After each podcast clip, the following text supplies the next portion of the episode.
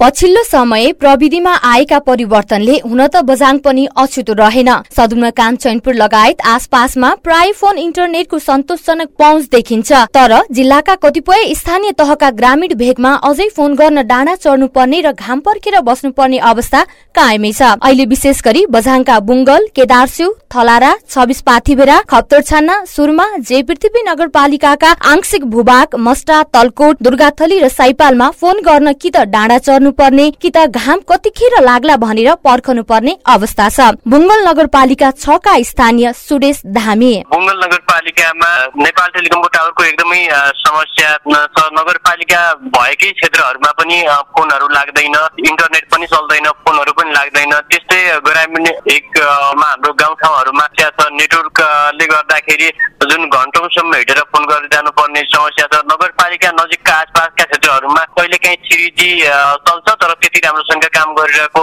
छैन। घाम लाग्दाखेरि अलिकति चल्छ अनि ज्यादा घाम जाने बित्तिकै टावरहरू जान्छ। एकदमै समस्या छ नेटवर्कको यता थलाराका कतिपय स्थानमा पनि फोन नलाग्दा त्यहाँका स्थानीय हैरान भएका छन्। भित्तरचिरको तल्लो धारीमा रहेका टावरले बैतडी डोडी बजाङ र अछाममा काम गरिरहेको छ। यस टावरमा बढ़ी ग्राहक संख्या हुँदा मोबाइल नै ह्याङ हुने र फोन नलाग्ने काटिने समस्या हुँदै आएको छ। यसतर्फका स्थानीयलाई टावरले काम नगर्दा समस्या भएको बताउनुहुन्छ थलारा दुईका स्थानीय राजु बानिया। थलारा राम्रोसँग फोन गर्न पनि पाएका छैनौ। डेढ घण्टा हिँडेर उच्च डाँडामा जानु पर्छ।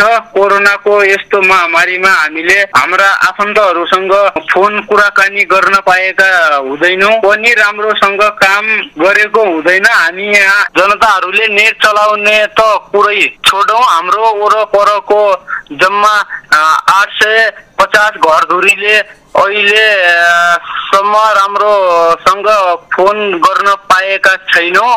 प्रविधि यति एडभान्स छ कि विश्वका धेरै मुलुकले पाँचौं पुस्ताको इन्टरनेटको मजा लिइरहेका छन् तर हामी फोन गर्न पाए पनि सन्तुष्ट हुने थियौं भन्ने मानसिकता बजाङवासीले बनाएका छन्। त्यसो भए उन्नाइसवटा टावर रहेको बजाङमा के कारणले र किन फोनमा समस्या आउँछ र फोर जी विस्तारको योजना कहाँ पुग्यो? नेपाल टेलिकम प्रादेशिक कार्यालय अत्तरियाका निर्देशक नमकर न्युपाने। उन्नाइस मध्ये अधिकांश चाहिँ मोबाइलका टावरहरू सोलर पावर सिस्टमबाट चलेका छन्। सुदूरपश्चिमका धेरै जसो जिल्लाहरू मध्ये सबभन्दा कम ठाउँमा बिजुली पुगेको जिल्ला बाजुरा र बझाङ नै हो होइन? सोलर पावरबाट चलेको हुनाले चाहिँ बर्खायाममा जुन लामो समयसम्म घाम लाग्दैन त्यस्ता ठाउँहरू चाहिँ स्वभावैले चाहिँ सोलरले काम नगरेर ती टावरहरूले काम गर्दैछन्। ती समस्याहरूलाई अब बिस्तारै घाम लाग्दै जाँदाखेरि र अनि पोर्टेबल जेनेरेटरहरू राख्दै जाँदाखेरि समस्या समाधान हुन्छ।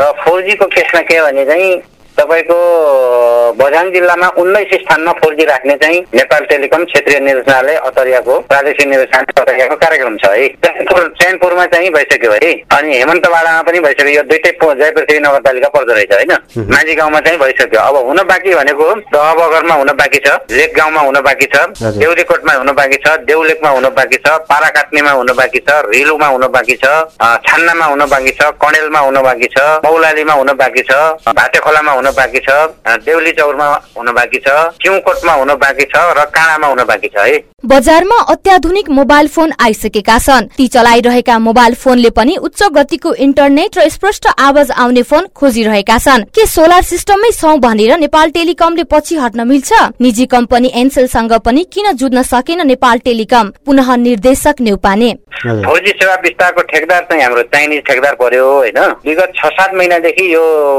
कोभिड नाइन्टिनको कारणले गर्दा यिनी कामहरू नेपाल अधिराज्यबाट ठप्प नै छ। अब यो कोभिडको कारणले गर्दा ठप्प भएको हो। यसलाई काम सिस्टमेटिक हुने बित्तिकै त्यहाँ दसैँको छेउछाउबाट बजारमा पनि केही साइटहरूमा फोर जी थप्न चाहिँ सुरुवात हुन्छ होइन अपग्रेड भनेकै के हो भने बिजुली अपग्रेड हामी गर्दैनौँ। बिजुली त बिजुली बिजुली अड्डाले नै गर्छ। बिजुली अड्डाले नजिकै बिजुली पुर्याइसक्यो भने चाहिँ हामी त्यसको ग्राहकको रूपमा चाहिँ बिजुली पुर्याउँछौँ होइन? यसलाई चाहिँ अब सिस्टमेटिक गर्छौँ। प्लस स्थानीय निकायको त्यहाँ स्मल हाइड्रो पावर केही छ भने पनि त्यताबाट पनि बिजुली लिएर यसलाई चाहिँ विश्वसनीय बनाउन सक् बनाउने कार्यक्रम छ। र अर्को के भने चाहिँ अलिकति सोलर थपेर सोलर कम भएका ठाउँहरूमा सोलर थप्ने कार्यक्रम पनि छ जुन अहिले रिलुमा थप्दैछौँ होइन? रिलुमा राम्रो हुँदैछ।